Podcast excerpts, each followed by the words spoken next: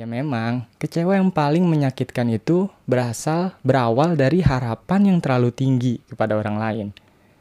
Tapi bukankah kita sendiri yang mengatur seberapa besar harapan kita kepada orang lain?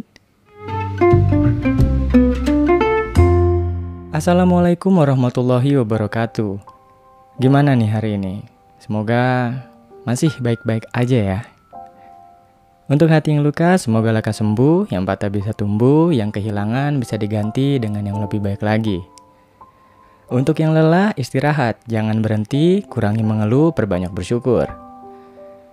Kali ini gue mau nanya sama kalian, pernah nggak di dalam hidup ini kalian ngerasa kecewa? Ya, sebagai makhluk sosial, kita pasti pernah ngerasa dikecewain oleh orang lain. Sama halnya dengan kita, kita juga pasti pernah ngecewain orang lain. Secara sadar maupun nggak sadar. Dan bahkan kita pun sering merasa kecewa dengan diri kita sendiri. Betul nggak? Tak bisa kita pungkiri, memang rasa kecewa itu terkadang membuat kita sedih atau membuat suasana hati kita jadi kurang baik. Tapi apakah karena rasa kecewa tersebut kita harus jadi membenci atau malah memusuhi orang lain atau bahkan diri kita sendiri? Mungkin itu tergantung dari pribadi seseorang atau pribadi masing-masing ya. Karena gue yakin setiap orang itu punya cara tersendiri untuk menyikapi rasa kecewanya. Tapi sebagai manusia yang tak luput dari salah, ada baiknya kita memaafkan orang-orang yang pernah membuat kita merasa kecewa. Karena kita pun mungkin pernah mengecewakan orang lain. Dan rasa kecewa yang kita rasakan juga mungkin sebagai pengingat atau teguran karena kita pernah mengecewakan orang lain. Ya, barangkali semesta ingin mengingatkan kita bahwa bagaimana gak enaknya rasa kecewa itu. Supaya di lain waktu kita jadi lebih berusaha agar tidak mengecewakan orang lain. Buat lu yang udah terlanjur ngerasain kecewa sama seseorang atau sesuatu, ada baiknya uh, kita menerima rasa kecewa tersebut dengan lapang dada. Karena nggak hanya kita loh, orang lain pun juga banyak yang merasakan kecewa. Terkadang dari rasa kecewa itu kita jadi memiliki pengalaman yang dapat dijadikan sebuah pelajaran untuk hidup kita. Dan gak semua hal di dalam hidup ini berjalan sesuai dengan yang kita mau, ya kan? Ibarat nasi yang udah menjadi bubur, ya walaupun bubur masih enak juga, apa pun yang telah terjadi itu nggak bisa kita ulang. Karena hidup ini nggak bisa diputar, dijilat, apalagi dicelupin.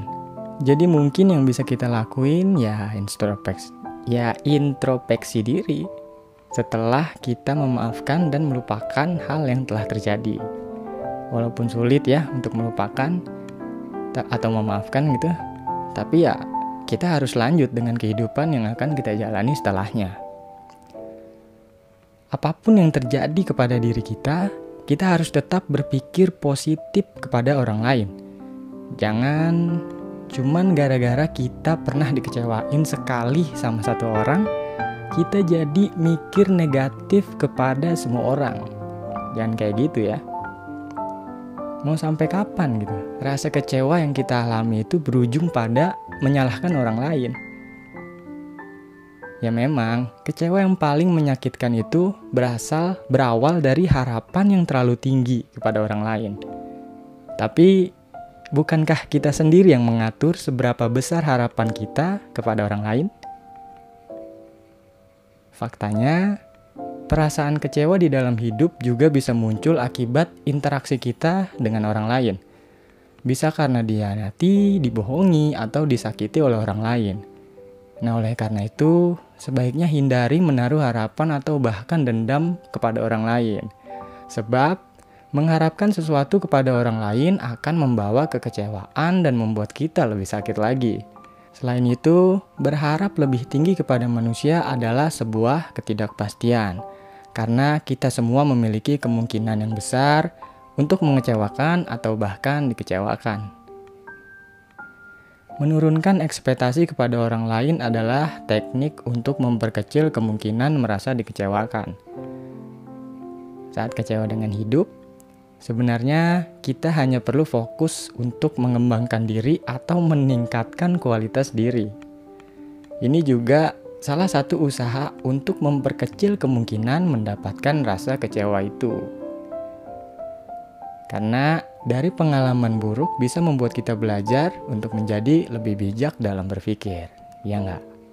Jadi, usahakan agar selalu bersyukur dan melanjutkan hidup dengan mengambil pelajarannya. Kita harus menyadari bahwa kecewa itu adalah bagian dari kehidupan.